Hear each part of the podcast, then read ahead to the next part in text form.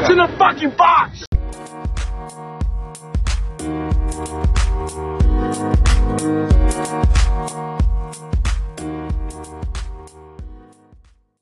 Halo semua, balik lagi sama gue Wigar, masih di What's in the Box. Jadi guys, kemarin gue banyak berselancar di sosmed, tapi nggak banyak eh, di Twitter ya, tapi nggak banyak trending topik yang menarik. Jadi masih berkutat di sekitar trending topik yang sebelumnya aja tuh, yang masalah Ejikman sama masalah restoran all you can eat. Jadi gue putusin untuk skip aja kemarin.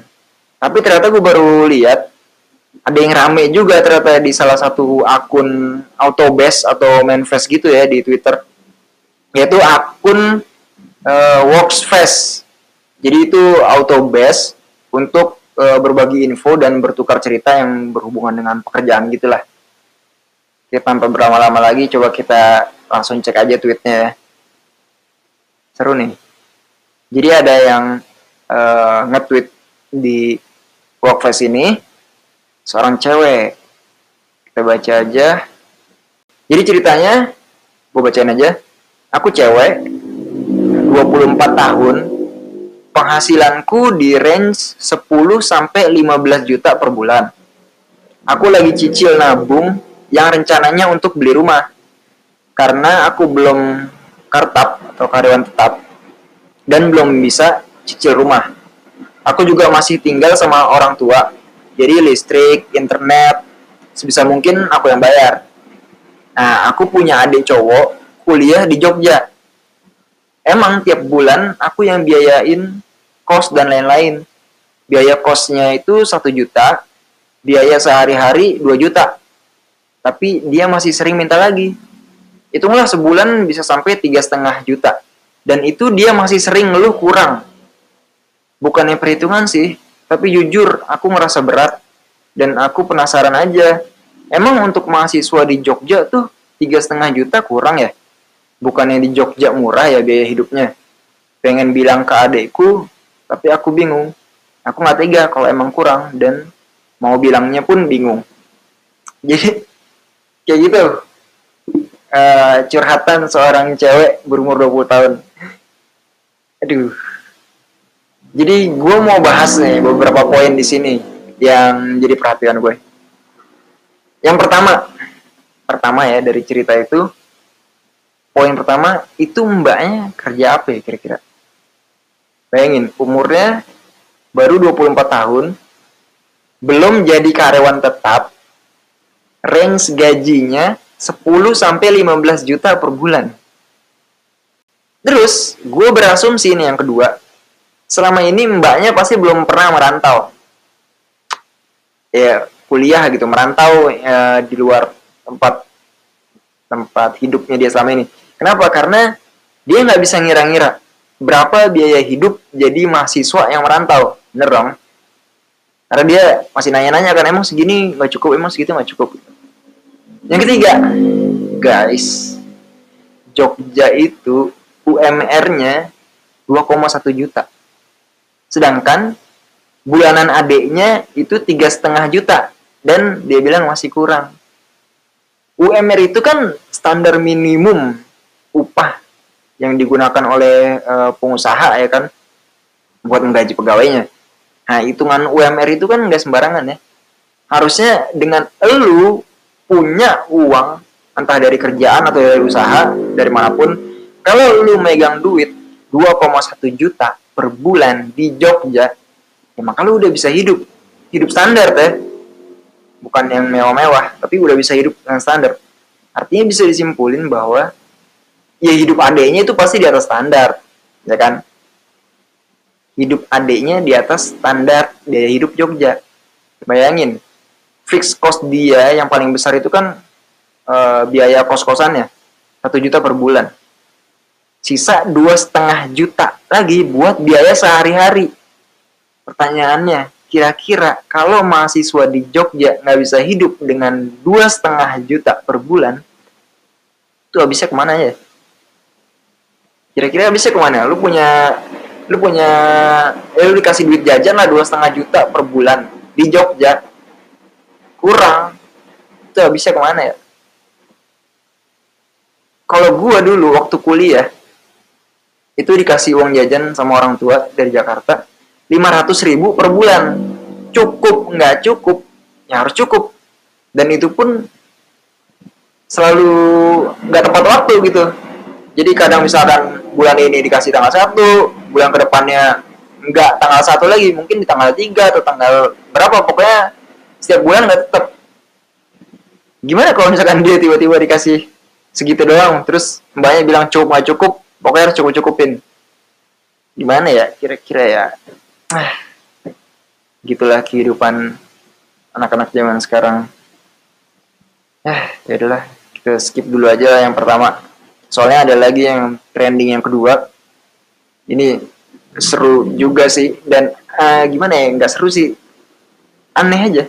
Tau nggak apa yang kedua? Yaitu spirit doll. Spirit doll.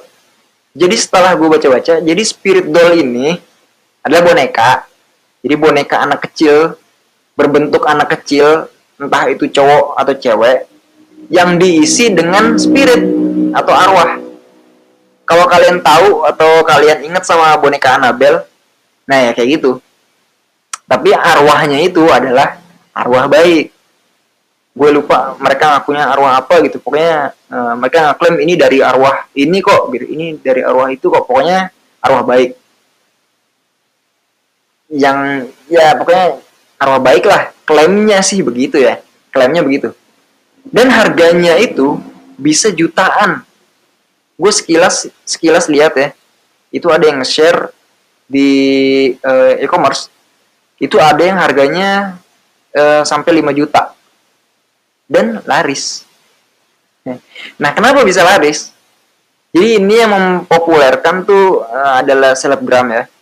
Gue juga nggak tahu nama selebgramnya siapa karena udah banyak banget selebgram sekarang. Sedangkan gue juga nggak main Instagram. Jadi gue gua nggak tahu siapa.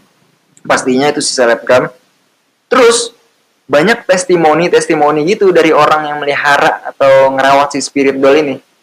Jadi banyak yang ngaku semenjak melihara si spirit doll ini hidupnya jadi berubah lebih baik terus ada yang ngaku uh, iya dia bilang hidup gue jadi lebih baik gue jadi lebih ingat buat ibadah gue jadi ingat buat sedekah gue jadi lebih sayang sama keluarga gue intinya testimoninya kayak gitu gue juga nggak tahu itu testimoni beneran atau ya ya you know lah gitu kan Nah, gue bahkan gue bahkan baru aja nih ngeliat ada satu video dari TikTok.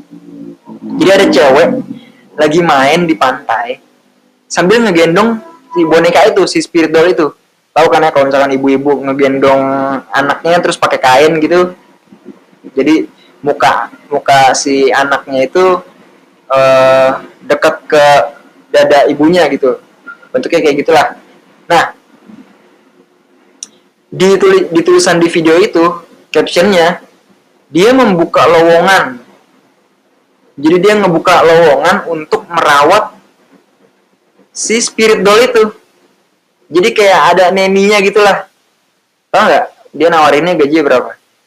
Bisa 10 jutaan per bulan. Gila gak sih? Gue aduh. Nggak ke aduh gimana? Apa apa gue yang gue aduh gue nggak tahu sih harus berkata-kata apa nih. Tapi menurut pandangan gue ya yang pertama nih gue merasa ini jelas scam sih. Ini scam asli asli ya nggak percaya gue karena kenapa? Karena gue ngelihat ada orang yang uh, ada orang yang nge-tweet dia ngaku dia ngaku pura-pura jadi anak indigo. Terus dia bilang nih ke temennya yang beli spirit doll itu bilang kalau eh arwahnya tuh arwah e, boneka lu udah pulang udah pulang lagi. Jadi si boneka itu sekarang ya cuma sekedar boneka aja. Nah temennya itu yang yang punya spirit doll itu nanya ke sellernya. E, bro mas mbak atau siapalah gitu.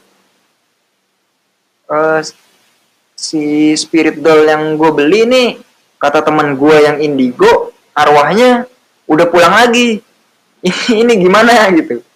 Nah terus si seller ya bilang dia me mengakui bahwa oh iya benar awalnya tuh udah pulang. Terus si pembelinya nanya lagi dong jadi solusinya gimana nih? Ya namanya seller ya kan kalau ditanya solusinya gimana tahu nggak jawabnya apa? Jawabnya ya udah beli lagi aja yang lain varian yang lain. Kayak gitu. Ya fix lah ngibul dong. Ya masa sih lu nggak nebak kayak gitu sih? Masih masih blur sih? Itu jelas banget lah fix lah ngibul mentok-mentok spirit doll ini ya bahasa marketing aja gitu gak sih?